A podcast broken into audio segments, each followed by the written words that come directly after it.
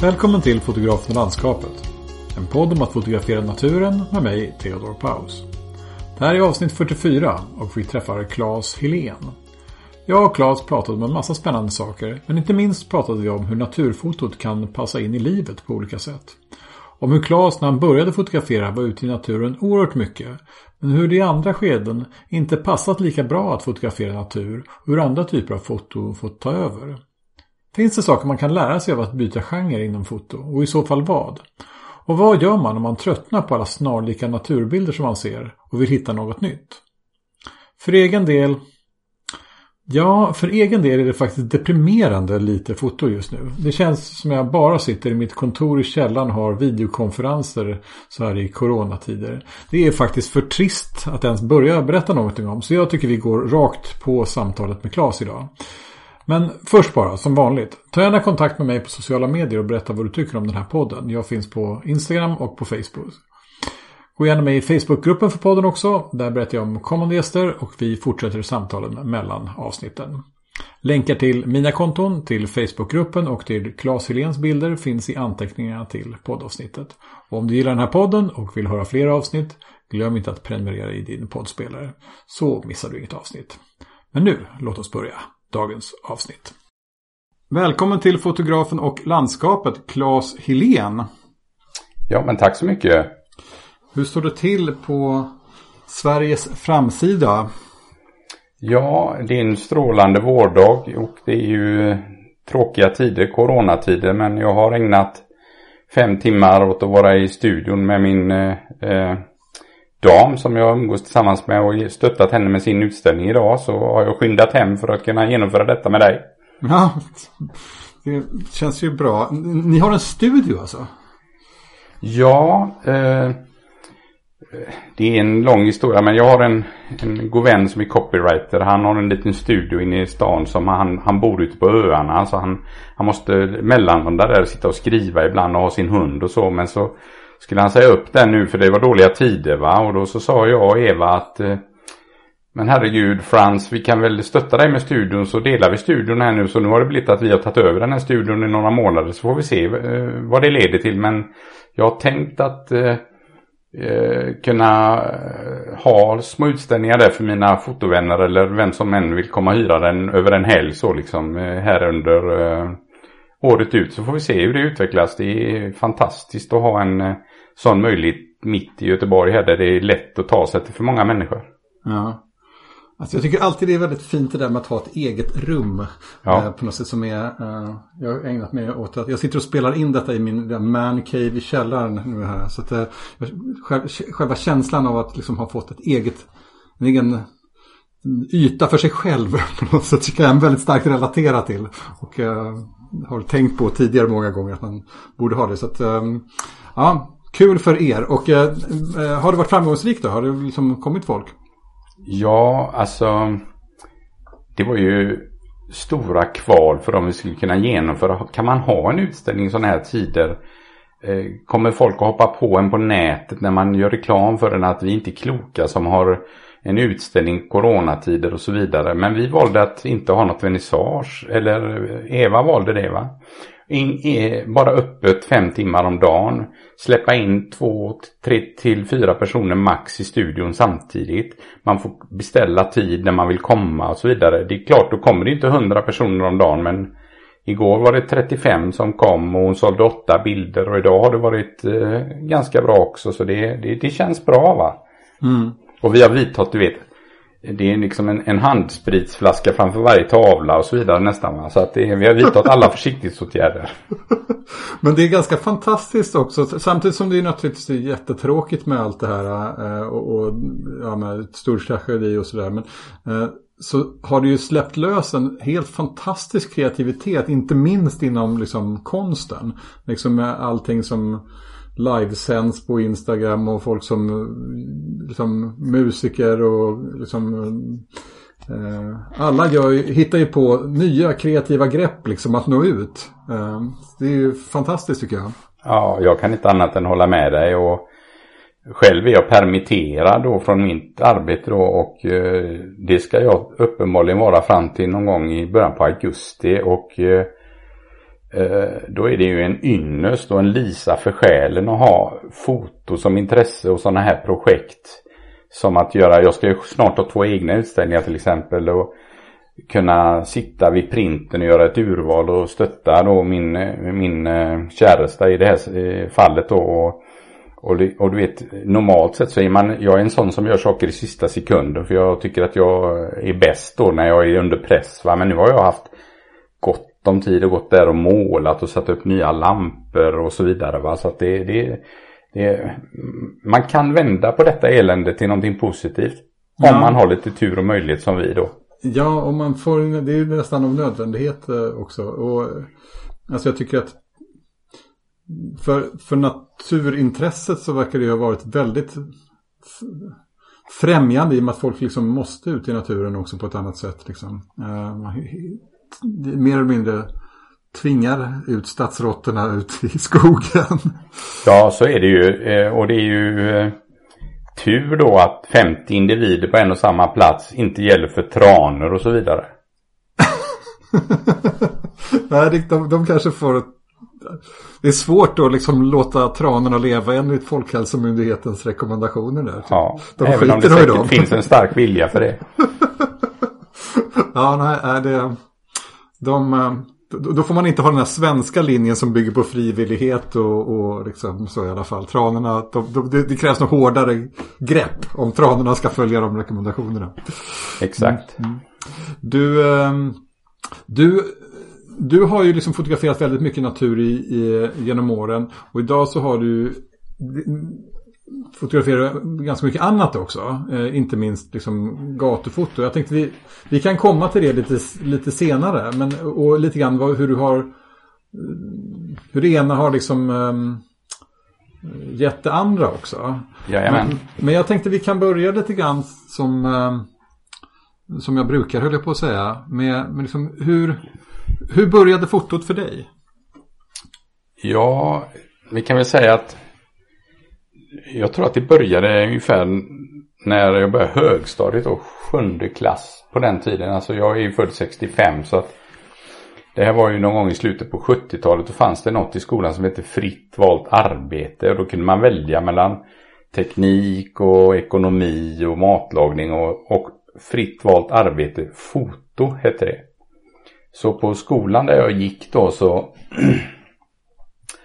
fanns det ett, ett mörkrum, ett litet fotolabb och så en liten sal och så en väldigt ihärdig magister eh, eh, som hette Ulf och han hade då vi tyckte ju han var skitmossig. Han hade då liksom du vet eh, kamera i trä med bälg och sådana här saker va. Åh, vilken nörd tänkte vi. Men han var fantastisk på att lära ut och så vidare. Och, och, och jag var där och slabba i mörkrummet där de tre åren, sjuan, åttan, nian och eh, eh, det var ju, alltså det som, det som gällde just då det var ju småbild, svartvit film, triex, det var ju det man kunde göra där och man hade ett antal förstoringsapparater och man hade bad och mörk, eh, mörkläggningsmöjligheter och så vidare. Och det, det, det var roligt utvecklande och eh, nästan alla mina kamrater som också valde detta då de vi hade liksom lite samma eh, inriktning på vad vi gillade då. Det var bilder och det var musik. Eh, jag brukar slås av det. Den, den eh, kände fotografen Anders Geidemark och jag, vi har ungefär samma musiksmak. Det är Genesis och Pink Floyd och sådana här grejer från 70-talet. Och så var det alla de i den studion vi gillar, eller i den mörkrummet vi gillade det va. Var så, han del av det gänget också? Nej, det var han inte. Men jag har ju lärt känna honom 45 år senare liksom. Och, och, och när man liksom eh, Eh, väljer musik till ett bildspel och sådana här saker så eh, ja, jag lovar dig om vi skulle sätta upp tio bildspel var han och jag så skulle säkert sju av dem ha samma musik i bakgrunden eller så. Okej, okay. men det fanns alltså människor som liksom helt frivilligt valde ekonomi som fritt val istället för foto?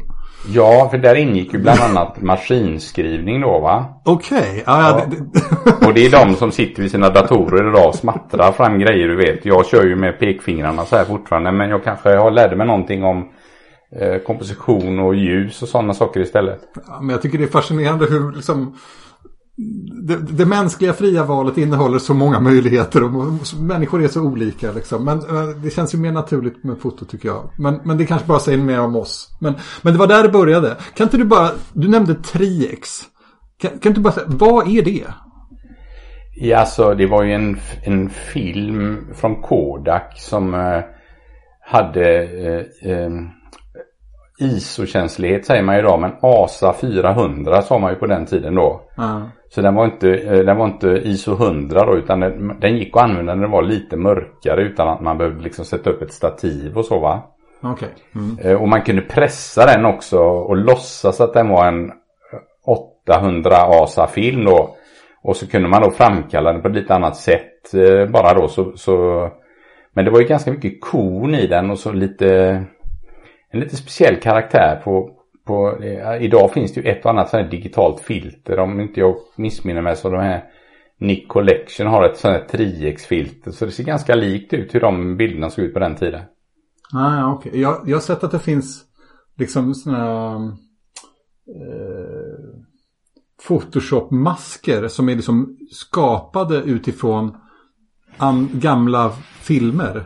Så att man kan liksom få känslan av en specifik film. Liksom. Ja, så, man så, är det, så är det. Fujifilm har ju det i sina kameror till och med. Så du kan ju välja Velvia där. Om du, om du plåtar JPEG då va. Så kan du välja Velvia eller Kodachrome eller och så vidare där. Och även ett par svartvita filter har de inbyggt i kameran till och med. Ja, jo, jag vet inte riktigt vad det är ett tecken på. Men det, det, det, säger någonting om vår tid tror jag i alla fall. När man gör sådär. Nåväl. Um, där började, började du. Och, och, och vad plåtade du då? då? Alltså det var faktiskt eh, allt möjligt. Fast eh, mycket vänner, kompisar, saker som hände och eh, jag, jag, har ett minne, vi gick upp, vi hade ett sexvåningshus där jag bodde. Dit gick vi högst upp där och ställde våra stativ. Några grabbar då och så eh, körde vi på långa slutartider mitt i natten så man såg bilarnas lampor blev som streck och sådana här grejer. Alltså jag har inte sådär jättemycket minne av det utan eh, Men så var det i alla fall va. Eh, eh, själva Jag är ju gammal scout och så så att naturintresset har ju alltid funnits för min del. Men det var egentligen först någon gång då 2006 när eh, systemdigitalkameran dök upp i, i, i, min hand. Alltså jag hade någon sån här Canon Ixus då redan 2000 tre, tre kanske eller något i den stilen. Och jag tror jag hade till och med en Olympus som hade 1,2 megapixlar väldigt tidigt på mitt arbete. På min arbetsplats då fanns det tillgång till en sån. som jag lånade på en tjänsteresa till Brasilien där jag bland annat eh, eh, tog bussen och åkte in i djungeln till de här stora vattenfallen som ligger mellan Argentina, Brasilien och Paraguay där och, och kom hem med liksom, om det var en eller två megapixels digitala bilder på detta vattenfallet då. Va? Så att, eh, eh men just natur, när jag började plåta natur på allvar eh, återupptog det om man säger så. Det var 2006 när jag köpte en systemkamera då som, som hade lite bättre egenskaper kan man säga. Men då har vi gjort ett ganska långt hopp i tiden där. Liksom. Ja, jag vet nämligen så för jag spelar ju i rockband och sådana här saker och, och, och, och fotot låg nere där. Sen fick jag barn 89 så jag, alltså det låter jobbigt att säga det men mitt fotograferande hade ett 17 år långt uppehåll. Aha. Uh, du spelade i ett rockband? Ja, det var ju på uh, sent 70 och under 80-talet då. Så, så la vi ner det 89 då, då blev typ halva bandet gravida så eller, eller våra respektive då. Okej. Okay. Ja, nej men, så, men sen så kom, kom fotot tillbaka och då blev det natur alltså. Ja, eh, ja jag, återigen jag var på en resa och en arbetskamrat hade köpt en, eh, en eh, Minolta Konica, eller de som köpte så Sony. Jag är lite dålig på det här med namn och sånt men 6 megapixlar kommer jag ihåg liksom och wow, man såg bilderna direkt och han hade kort skärpedjup och så här. Jag gick hem då 2006 efter den eh, arbetsresan och så eh, sonderade terrängen och läste på fotosidan och vad man skulle ha och så vidare. Och, Och så eh, åkte jag ner här till Scandinavian i, i Mölndal och, och, bara köpte liksom stativ, två gluggar och en kamera då liksom. Ah, så det var liksom mer ett beslut, nu ska jag köra igång igen? Yes, och så anmälde jag mig till en, eh, en kurs uppe i Strömstad med Patrik Larsson som har varit gäst hos dig. Såg jag här nu när jag gick igenom listan. Ah, som hette eh, typ eh, digitalfoto för natur, eller nej. Eh, oh, herregud, vad hette kursen? Ja, något i den stilen. Alltså eh, naturfoto för digitalfotografen eller något i den stilen. Så jag gick en, en kurs hos honom och så gick jag nog ett par, tre, fyra steg till där då. Men eh, från den dagen så eh, höll jag på i naturen eh, ja, två till fem kvällar i veckan i princip då så var jag ute. Just alltså det. mellan 2006 och 2013 någonting. Körde jag stenhårt med det. Vad var det som fick dig att fortsätta? Eh, jag tyckte det var väldigt... Det var skönt. Jag, jag, jag kom ut i naturen. Jag är en väldigt social människa så jag gick nästan aldrig själv. Jag hade alltid en eller två kompisar med liksom. Eh, jag bor här mitt på Hisingen. Alltså åka ut till kustbandet här i, i Öckerö, Hönö och de öarna. Det, det, det, var där det började lite grann. Det var mycket kust, natur och landskap då. Jag testade även lite fåglar och sådana här saker men jag är, jag är ingen... Eh, jag har inte det tålamodet att sitta i ett gömsle liksom och vänta på någonting som kanske aldrig ens händer. Visst, jag har varit på resor till Runde och sådana här saker men det brukar sluta med att jag är uppe hela natten eftersom det är typ midnattssol och plåtar landskap istället liksom. Så att, nej men så var det lite grann. Mm. Precis, och, och, hade du någon, jag menar det är en ganska speciell grej att liksom gå in i det så, liksom, om jag All in. Ja men verkligen från att det liksom inte har hållit på så mycket alls till liksom verkligen köra järnet då liksom. Jag tänker att Fanns det något särskilt som gjorde att det blev så? Nå, ja, alltså.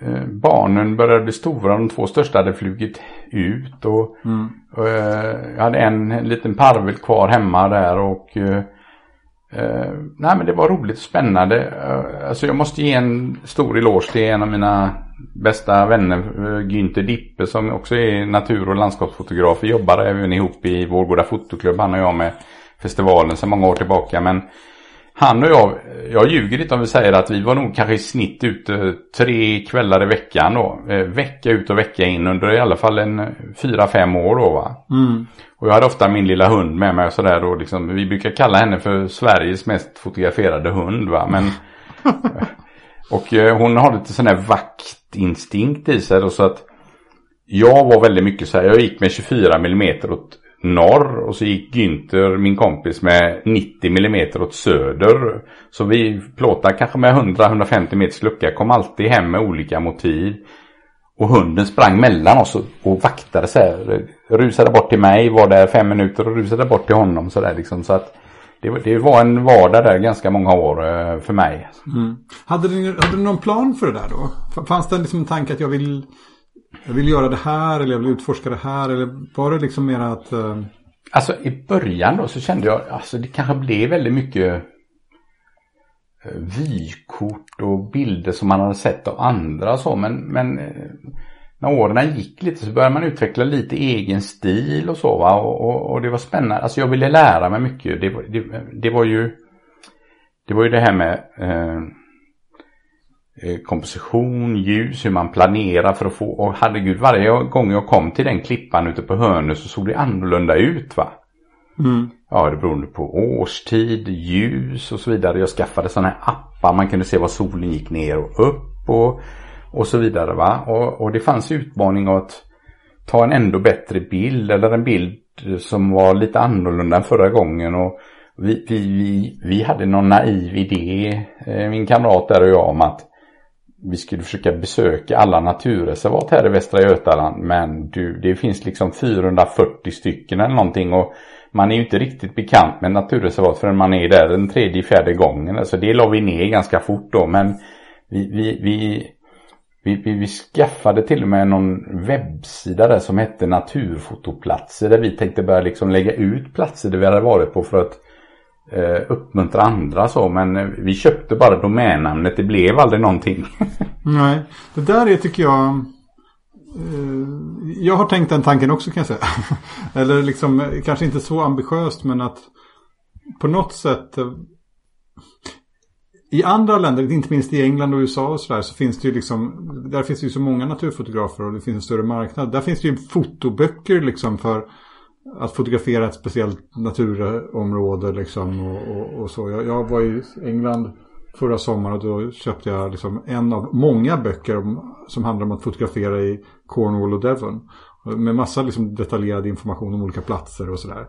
Um, men i Sverige finns det ju ingenting sånt. Jag, jag har inte hittat en enda bok som som beskriver liksom hur man kan fotografera i något speciellt område i Sverige. Nej. Det finns väldigt lite som vägledning till platser. Liksom. Det får man plocka upp längs vägen. Liksom. Uh, så att, uh, om någon ja, har det... det här och vill göra en sån bok eller något sånt initiativ på webben. Det finns säkert många som skulle vara intresserade av. Ja, det var en tanke jag hade då. Eh, men tror det eller ej då Theodor, det har liksom slått helt om för mig när det gäller det. För att, Aha. ja du nämnde det själv då, i USA har man kommit till en plats. Mm. Ja, här ska du stå, står det en skylt i mässing, det bländar 11, 125 i sekund. Alltså det är nästan så va. Och hål färdiga i marken liksom där stativet ska stå. Exakt va.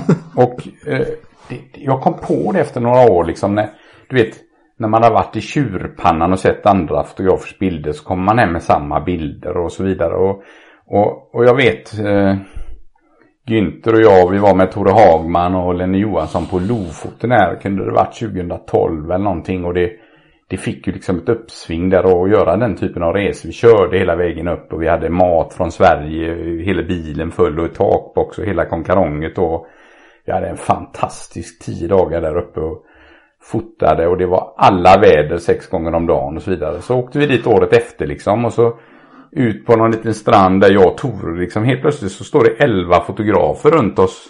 Mm. Wow, holländare som tar exakt samma bilder. Så det är där liksom med, ska säga, eh, internet och möjligheten att titta på andras bilder. Till och med folk som geotaggar vad de har tagit sina bilder. Det har liksom fått en jag blir nästan lite uttråkad. Jag har tänkt många gånger att jag skulle åka till Island och det är ju fantastiska bilder man ser från Island. Men jag tänker inte åka dit nu för alla de bilderna är ju tagna och i parti och minut ser man ju bilder från samma strand och samma vattenfall och så vidare. Så att för en eh, sex, sju år sedan så började jag tänka herregud jag måste ju hitta något eget uttryck här och inte bara göra det som alla andra gör. Va? Så att mm. då slog det över lite för mig och så blev det lite så istället. Och då började jag väldigt mycket med eh, Typ här i Göteborg finns det ett naturreservat som heter Rya skog. Det är mm. 16 hektar. Ligger mellan ett raffinaderi, en eh, eh, Göta älv och så motorväg och järnväg liksom inrutat 16 hektar. Jag tror det är, eh, är traktens äldsta naturreservat eh, instiftat 1925 eller något i den stilen. Jag kan ha fel där men det är ett alsumpträsk med mycket ekar och så här liksom. Och där gick jag liksom med stövlar och vardagsstövlar och stativ och hund liksom och fotade löv i marken istället i små landskap. Det blev gärna så istället för min del va. Och, och var det liksom i som reaktion på eller som på något sätt ditt sätt att hantera att du tyckte att många bilder var tagna liksom av andra eller hitta något eget liksom? Ja, alltså jag har ju haft jättemycket upplevelser tillsammans med andra och jag har ju till exempel varit eh, nio år i rad i norska Innerdalen där och till och med eh, guidat folk på fjället där ihop med Günther och min eh, vapendragare här va. Och, och det har ju blivit eh, väldigt mycket lika bilder för många då. Va? För man kommer till ett fjäll och det här meandern där, den ska vi ta en bild på och så vidare. Och så går man till folk, med folk till olika vattenfall. Eh, men och till slut blir det liksom att jag började bli lite trött, jag ska säga inte trött, men lite uttråkad på att se samma saker. Visserligen så var det en del som verkligen eh, tog ett motiv eller en plats till det till det yttersta. Va? Mats Andersson tycker jag är ett bra exempel på det som har gjort en helt egen grej av Island liksom och så vidare. Om du känner till honom. Absolut. Ja. Eh, och det tycker jag är spännande då. Va? Så jag tyckte, mm, nej. Eh, utan vi åkte med till sådana här Ljungås naturreservat, en gammelskog där ingen människa någonsin vill komma till. Och där försökte vi hitta grejer och, och sådär då. Alltså det blev lite så istället, för min del. Mm. Jag tycker det är, ganska, det, är en spännande tanke det där, tycker jag. Att liksom så här, hur... Alltså, hur, hur jag, döm, jag dömer ingen som som vill ha de där uppenbara motiven. Att bara åka till ställe, kliva ur bilen, gå 100 meter och ta den här perfekta bilden. Jag har själv varit där och det, det är ju en fantastisk upplevelse eh, under en period man lär sig hantera sina verktyg, kameran, objektivet och så vidare. Men, men jag kan tycka att det kan bli lite enahanda att se Eh, samma motiv om och om igen. Och när någon verkligen gör det motivet spännande eller den platsen på ett nytt spännande sätt, då blir jag däremot väldigt glad. Va? Ja, eller hur? För jag tänkte just komma till det. Liksom, eh, att jag tror att alla som har liksom lite ambitioner med sitt foto vill ju göra något eget. Liksom. Eh, och, och så kan man fundera på hur... Vad består det där egna av? Alltså det kan ju vara att man fotograferar en annan plats som ingen annan har fotograferat tidigare. Liksom. Eller att man liksom fotograferar på ett annat sätt än någon har fotograferat det tidigare. Liksom. Det här Mats Anderssons svarta vita bilder. Det är ju rätt mycket att man fotograferar på ett annat sätt som du är inne på. Liksom när du berättade om det här om du fotograferar i det här Rya skog. Det är ju lite grann att välja att fotografera en annan plats. Och kanske också liksom de här mindre motiven är ju nästan per definition svårare. De blir ju liksom mer det är svårare för någon annan att ta exakt samma bild liksom för att motivet är ja. så litet och sådär. Så att eh, eh, men jag tror också att har det inte varit så att liksom tekniken har påverkat en hel del också? När viss, en ny teknologi kommer in liksom, eh, så, så påverkar också det liksom vilken typ av bilder folk tar. När liksom möjligheten att ta HDR-bilder dök upp så blev det väldigt mycket sådana typer av bilder. Liksom, och så behöver man hitta Man får hitta på något nytt på, på olika sätt. Liksom.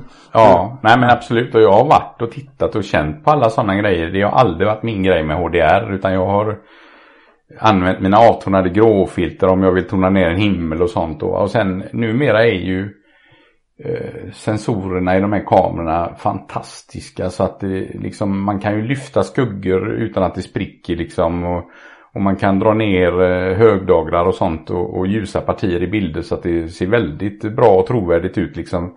Mm. Eh, man är ju förundrad vilken apparat ögat är egentligen. Liksom, för man ser och uppfattar någonting när man står ute på ett visst sätt. Och så tar man en bild på det. Så tänker man bara herregud. Eller hur va? Verkligen. Ja.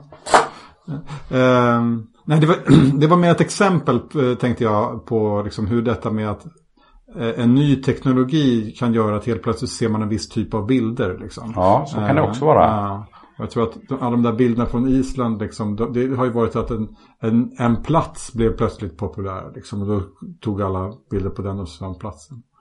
Ja, fast om man är liksom i grund och botten den här gamla scouten, naturvännen. Alltså vi, när jag var med i scouterna, klart vi var ute och paddlade, det var hajker och vi var ju alltid flera stycken. Men just när man kommer till en, en, eh, jag vet en gång vi skulle fota en kungsfiskare här för en tio år sedan utanför Göteborg. Då, eh, det är inte riktigt min tekopp att fota fåglar så men vi åkte dit i alla fall. Och, jättetidigt på morgonen och när vi kom dit liksom så satt det redan 18 man där med stativ och långa gluggar liksom. Herre, och då var det en liksom som sprang fram eh, till kanten där kungsfiskan var och störde den och liksom så, jag blev väldigt upprörd liksom. Mm. Men, men äh, ja, i alla fall så att äh, och äh, jag måste understryka det, det är absolut inget fel på att åka till Island eller något, det är inte det liksom. Men förmågan att ta bilder där som inte redan är gjorda eller sedda liksom. Det är ju det som är, om någon lyckas med det, Hans Strand är ju något sånt exempel som har gjort mycket flygfoto och så vidare. Och jag, och jag är ärligt talat lite dåligt påläst va? men samtidigt som man sett väldigt mycket exakt likadana saker då, även Lofoten och många andra ställen då liksom. Så, eh, eh, med nätet och eh, sociala medier och sånt så har saker blivit väldigt lättillgängligt utan att man behöver de där böckerna vi pratade om för en stund sedan. Mm. Är de här webbsidan naturfotoplatser eller vad det nu kan heta va. Ja. Utan det ena är det andra och det är inget fel med det alls utan det är bara det att eh, om folk åker till de här ställena då liksom, så är det kul att se någonting som är unikt därifrån eller en ny vinkel på det. Det tycker jag är spännande då. Liksom. Men, men vad var ditt sätt alltså för att skapa din unikitet då? Ja, jag grottade väl ner mig ganska mycket med kort tele då i landskapsfotograferingen och, och försöka hitta avgränsade grejer och, och lite sånt. Då, va? Fast, fast från början var jag väldigt mycket vidvinkel eh, och sådär och, jag- och jag körde jag körde vidvinkel på ett speciellt sätt. Jag hade en 85 mm glugg och så tog jag eh, tre rader med sex stående bilder uppe och så sex stående bilder i mitten. Så la jag ihop det, du vet, det blev en gigantisk fil. Så man kunde, och jag lekte med alla möjliga tekniker och så vidare då, men Men, nu får du förklara det här lite. Nu blev jag så nyfiken. 85 mm, det, det, det brukar inte betraktas som vidvinkel i Nej. alla fall. Nej. Men istället för att slänga upp då 15 mm och ta en jättestor bild då där eh, över någonting så ställde jag eh, kameran på högkant, satte på en 85 och så tog jag sex bilder eh, längst ner. Och så Okej. lyfte jag upp det ett snäpp och så tog jag sex bilder i mitten och så lyfte jag upp det ett snäpp och så tog jag sex bilder upp till på exakt samma sak. Okej. Eh, Hur hur blir det då? Ja, så slog man ihop det då va. Och det är klart, hade moln och sånt ändrat sig eh, mycket så kunde det ju se kajko ut. Men det, det blev väldigt spännande. Man hade möjlighet då i programmet som jag använde Lightroom då liksom att eh, göra ett panorama. Eh, inte bara på bredden utan uppåt och neråt. Den slog ihop alla bilder då va. Och, och det blev väldigt spännande. Framförallt så blev det ju en sån gigantisk fil på flera hundra megapixlar då liksom. Men, men vad, vad uppnår man med det? Liksom förutom att filen blir väldigt stor. Ja, ett annat perspektiv än, än, eh, än det här. Alltså vidvinklar där eh, det är inte riktigt raktecknande hörnen och sånt och träden ute i kanten stod snett inåt så här grejer. Men, när du kör en stående 85 hela vägen så, så blir alla träd raka och sådana saker liksom. Men du får känslan av vidvinkel fast du har Ja, tagit det med precis, tv. Ja. Ja, jag säger inte att det är rätt eller att det är bra på Nej, något nej, sätt. nej. Det var det att jag, jag bara säger att jag har testat alla de här grejerna liksom. Okej. Alright, så du, du experimenterade med tekniken en del då? Ja. Ja, för att komma till ett annorlunda resultat och ibland gjorde man det och ibland blev det bara skit. Jaha. När blev du som mest nöjd då? Eh, vet inte men eh, eh, när folk frågar om favoritårstid så brukar folk säga vår och så. Men jag, jag säger nog höst då för att när en mulen höstdag Åh, ska du ut och fota i det här tråkiga vädret, säger grannarna när man går ut med sina grejer. Då, liksom. Ja, det ska jag, för det är nu som färgerna och det verkligen poppar upp när det är lite regn i luften och det är mulet och sådär. Liksom. Det, då kan det bli riktigt gott. Det, det, det är några sådana tillfällen som jag har varit mest nöjd i livet liksom. Och, och fått eh, eh, lite bilder när jag hade någon dubbelexponeringshistoria jag gjorde här i någon spegling inne i Alsumträsket som bara ligger här någon kilometer från där jag bor. Va? Som eh, eh, jag, jag tror det var 2008 eller 2009 som eh, den kände fotografen Magnus Reneflott han ringde mig och sa om, jag, om detta var en eh, om jag hade klonat in grejer i bilden. Han drev bara med mig liksom. Men då hade jag vunnit årets bild i biofotos tävling där det året då liksom. Och, och det var jätteroligt då. Och då kommer jag ihåg att det var en sån här speglings dubbelexponeringshistoria med mycket färg och, och sådär. Och höstlöv och grejer. Och det, jag tror jag har sålt en 30 utav den här tavlan och, genom åren. Och, och det var väldigt roligt, inspirerande och, och sådär. Men jag är egentligen ingen tävlare heller. Utan jag, jag bara tävlade för att jag var med i biofoto då några år där va. Du, du, du har rest runt, eh, har gjort en del foto på, på resor också. Du nämnde Lofoten tidigare. En av dem som, när jag fick tips av dig, jag kommer inte ihåg om det var som tipsade dig, men det, det, var, det var ett tag sedan. Så det som gjorde att jag blev nyfiken var inte minst när jag var inne på din hemsida. Så den första posten där är bilder från Andalusien. Mm. Väldigt fina bilder tycker jag. Ja, tack. Eh, eh, är de alla tagna i en, på en och samma resa? Eh, jag var två gånger i Andalusien eh, faktiskt. Och, men eh, Eh, det, om du var inne och tittade på min senaste post, de var tagna på samma resa. Ja. Eh, vi har en god vän där, eh, Ralf Togard, han bor nere i södra Portugal och han åker gärna ofta över dit. Så vi, vi träffade honom där och, och så åkte vi där då i, i, i det böljande landskapet i El Coronil där eh, och, och även var vi i Alpujarra där och fotade blommande mandelträd i gryning och så då. Och så ska man ha lite tur också att det är både är fint ljus och spektakulära moln och sådär. Liksom då, ja, nej, det har varit... Eh, man har haft några sådana riktiga kanonresor då. Ja, för jag tänkte just säga det. Där, det känns som att det var många fina rutor där på, på en resa i sådana fall. Jag tyckte att det var... ja, tack så du ha. Nej, men eh, så var det. Och, eh, alltså... Jag vet inte, men jag känner, jag sa det förut att jag jobbar bäst under press så liksom. Jag, jag hade, vid det tillfället så hade jag en livskris där liksom. Min, eh, min eh, fru hade precis gått bort och eh, jag behövde göra någonting och komma iväg och rensa tankarna och så vidare.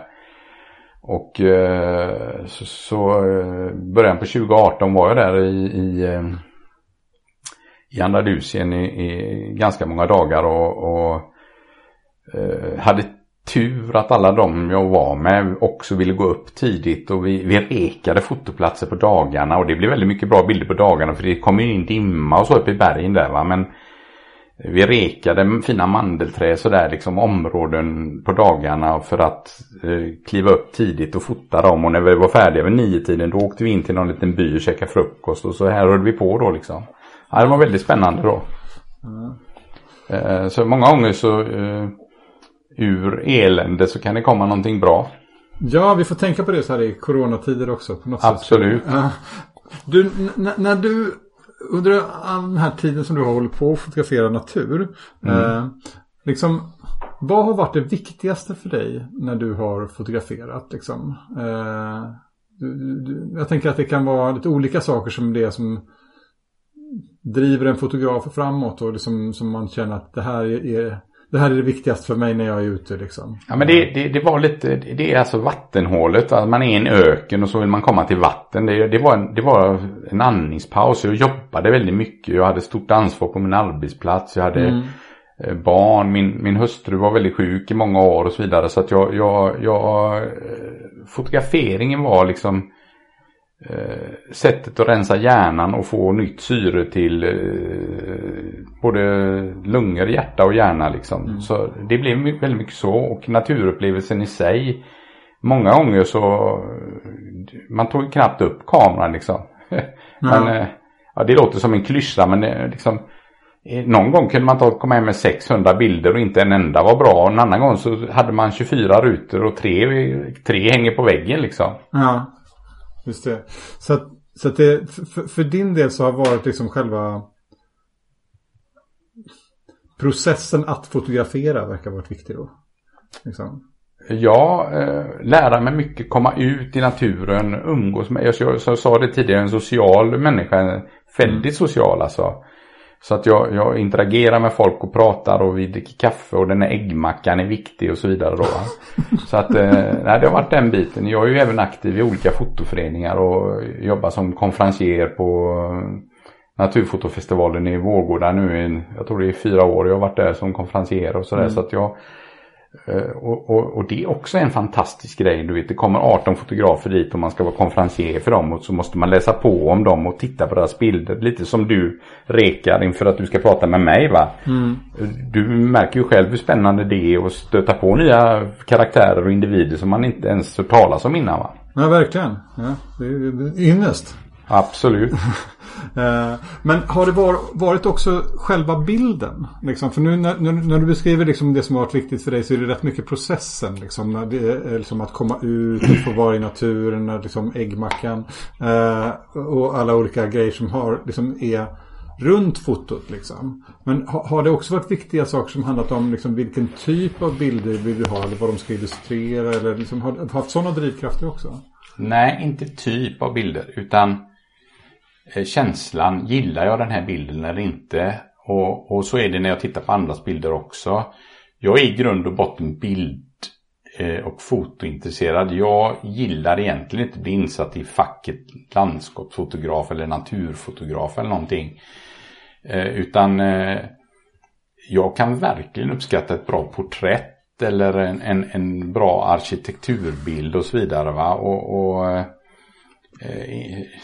jag, eh, jag gled över här 2013 som av en slump på ett område som eh, kallas för gatufoto. Mm. Eh, och det byggde lite grann på att eh,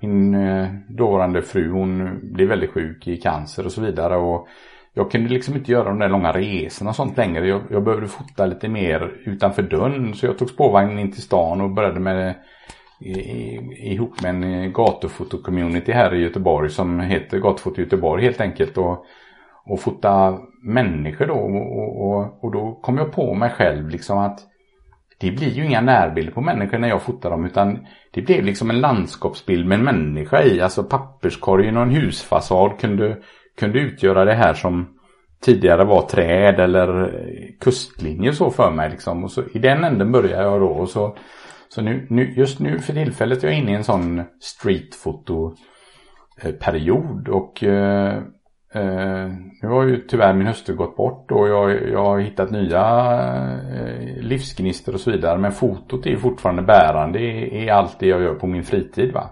Mm.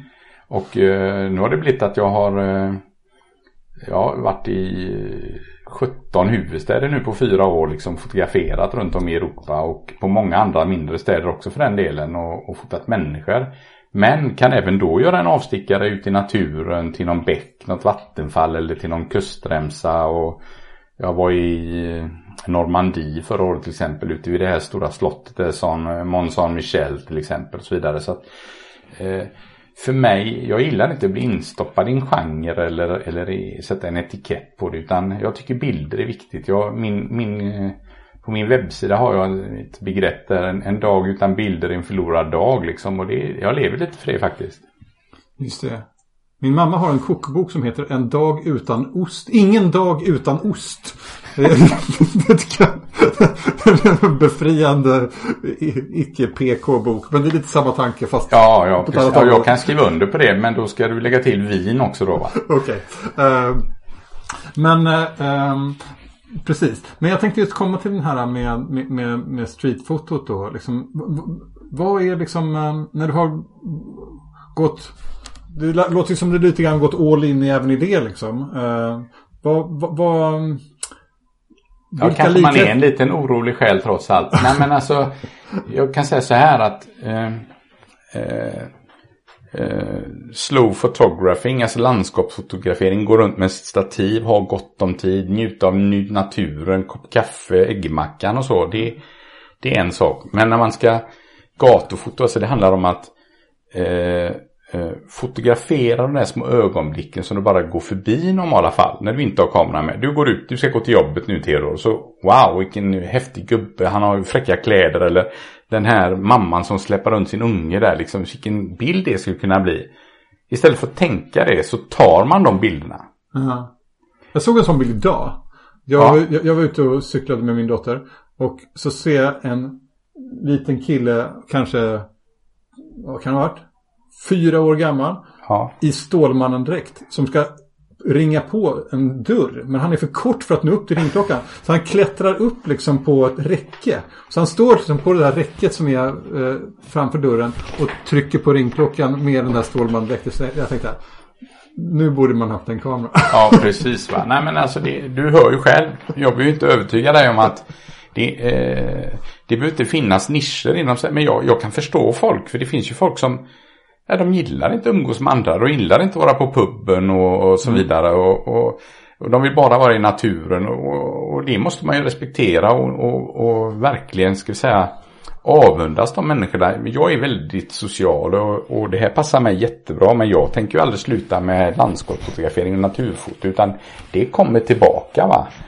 Eh, men om du, jag vet inte om du känner till en store före detta naturfotografen Janne Töve. Liksom, ska mm. fantastiska bilder och böcker han gjorde på den tiden när han bara kallade sig naturfotograf. Nu är, kallar han väl sig fotograf och han fotograferar nedlagda bruk och fotbollsplaner som är tomma och så vidare. Liksom, han har med sig hela sitt bildspråk och alltså helt fantastiska grejer så att eh, ja. nej eh, för, för, mig eh, är vad tog du med dig då? Vad, vad, tog du med dig liksom från eh, naturfotot? Vad, vad, var de viktigaste grejerna som du lärde dig som naturfotograf som du sen har haft nytta av som eh, när du har fotograferat gatu?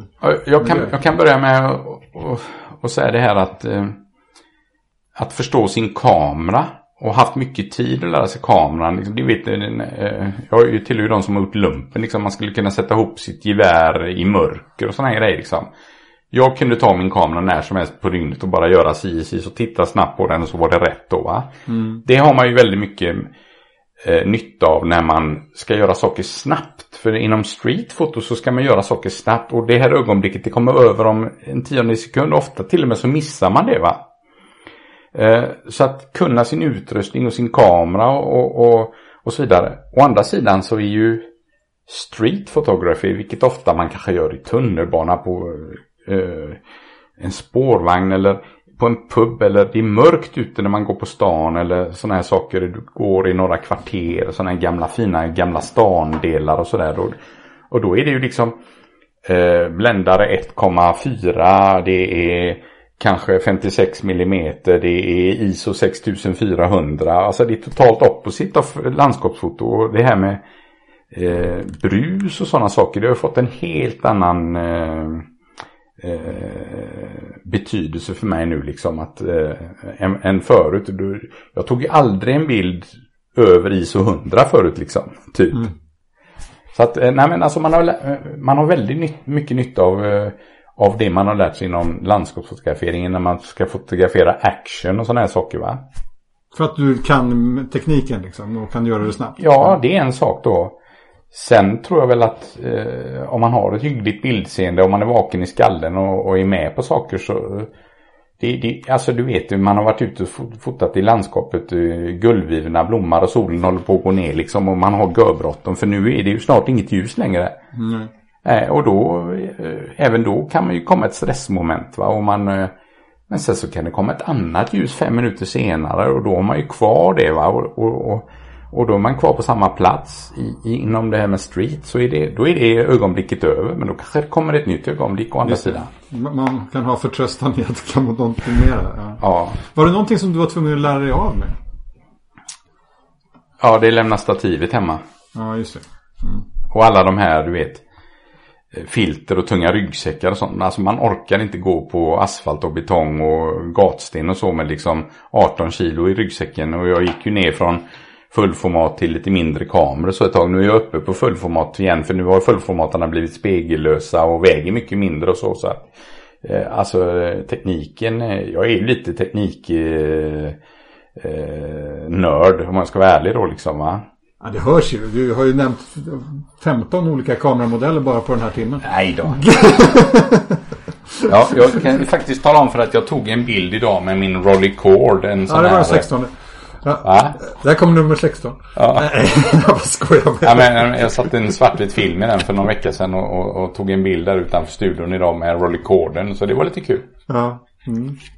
Ja, nej men eh, tror du att det finns ett värde liksom för fler av att liksom eh, bryta sig loss från sina genrer? Det är möjligen en ledande fråga. Men... Nej, det, det, alltså det, ja det kan finnas ett värde. Jag tror att man har lite att lära sig av det. Men om, man är, om man är nöjd med det man gör, om man är bra på det man gör så, så ska man ju fortsätta med det. Men, men våga testa lite andra saker ibland. Alltså, eh, nu är det ju jobbigt här. Det är ju folk som ska lyssna på den här podden. Men du vet, jag är ju idrottsintresserad också. Och dessutom är jag ju gaisare då va. Då. Jag har ju fotograferat Nej. Eh, för Gais då i, i 12 år. Och vi hade några fantastiska år, sju år där vi låg i allsvenskan och vi kom femma ett år och vi spöade Djurgården och AIK och allt vad de hette då liksom. Och, och, det, och där lärde man ju sig också saker, eh, fast där har man ju en fast eh, teleoptik på liksom och ska fånga en situation då liksom. Och det var, det var också oerhört lärorikt. Så jag har kladdat i de flesta eh, genrer och, och, och, jag skulle inte vilja låsa mig vid någonting. Det är ungefär som, jaha, du får bara lyssna på Rolling Stones nu. Mm. Eller du får bara lyssna på syntmusik resten av livet. Nej, jag vill inte fastna där utan jag vill kunna lyssna på eh, Rolling Stones ena dagen och syntmusik nästa dag och Pink Floyd den tredje dagen liksom. Så känner jag inom fotograferandet va. Okej, okay, ja. Det är bra. Uh, vad är det de säger i, i uh, de här um, Blues Brothers? We like both kinds of music, both country and western. ja, precis. En klassiker. ja. And du, we are on a mission from God. precis. Du, um, um, vi börjar närma oss slutet här men jag har någon fråga till och jag tänkte, du var inne på det lite grann men har du några bra tips till den som vill bli bättre som fotograf? Uh, ja, alltså där är ju nästan man ska citera Stenmark då som vid något tillfälle sa liksom att ju mer du tränar desto mer tur har du. Va? Mm. Så att ut och fota oavsett väder, vind och alltihopa. Ta på dig bra kläder, bra skor. Ta med dig utrustning eller en liten kamera ena gången, en stor kamera nästa gång. För den bästa kameran är den man har med sig va. Och kör och lär dig och praktisera, praktisera. För det, det, jag, det jag känner liksom det är Eh, eh, ibland så stöter man på folk, kan inte du hjälpa mig, jag ska bli bättre och så vidare. Men så kommer jag på efter ett tag att men den här personen vill ju inte lägga den tiden och vill ju inte eh, för att det handlar ju om erfarenheter och att lägga tid på det för att bli bra på någonting. Det är ju som eh, de stora gitarristerna eller pianisterna. Det är ju inte så att man är född med att kunna 26 Mozart-stycken eller sådär. Utan det är ju liksom att träna på det. Och det är ju samma med foto. Man måste praktisera det. Mm. Så ja. att, eh, och det är ju roligt också. Sen har du ju det här med det finns ju folk som är fantastiskt duktiga på att fotografera men de är kass på datorer och program och sånt. De har ju, det är ju en spärr där va. Att man bör kunna lite av det också menar du? Nej men de människorna blir begränsade för de är rädda för den delen av tekniken då liksom.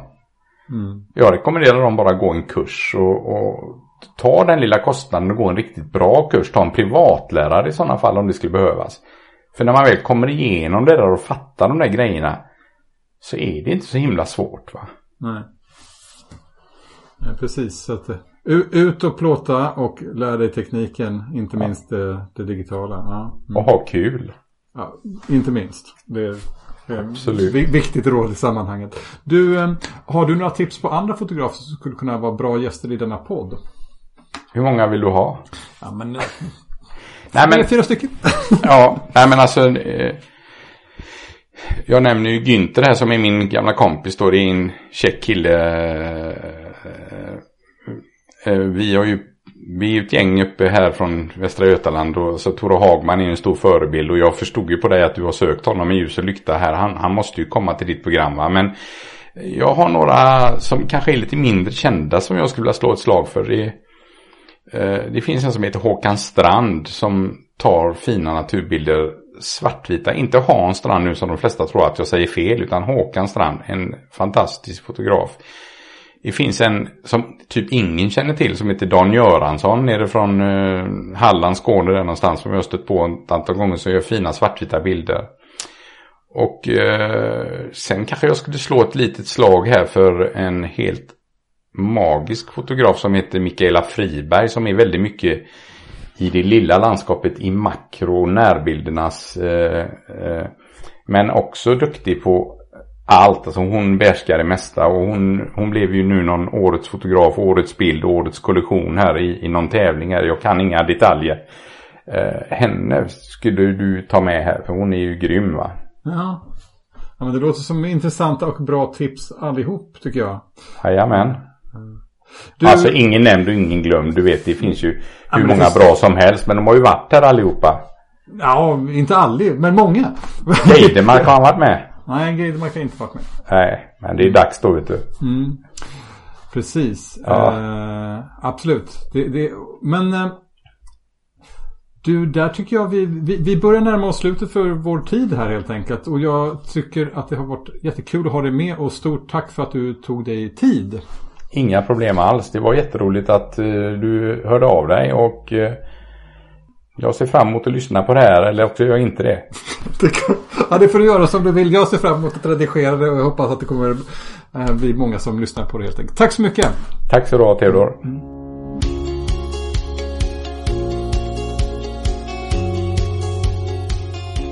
Tack även till dig som lyssnat på det här avsnittet av Fotografen och landskapet. Tveka inte att höra av dig om du har tankar och idéer om podden. Du hittar länkar till mina konton på Facebook och Instagram i anteckningarna till det här avsnittet. Där hittar du också länkar till Facebookgruppen för podden, länkar till Claes Helens bilder och länkar till de fotografer som han tipsat om i slutet av avsnittet. Och som vanligt, om du gillar den här podden och vill höra fler avsnitt, glöm inte att prenumerera i din poddspelare så missar du inget avsnitt. Och ja, det var allt för idag. Vi hörs igen om två veckor.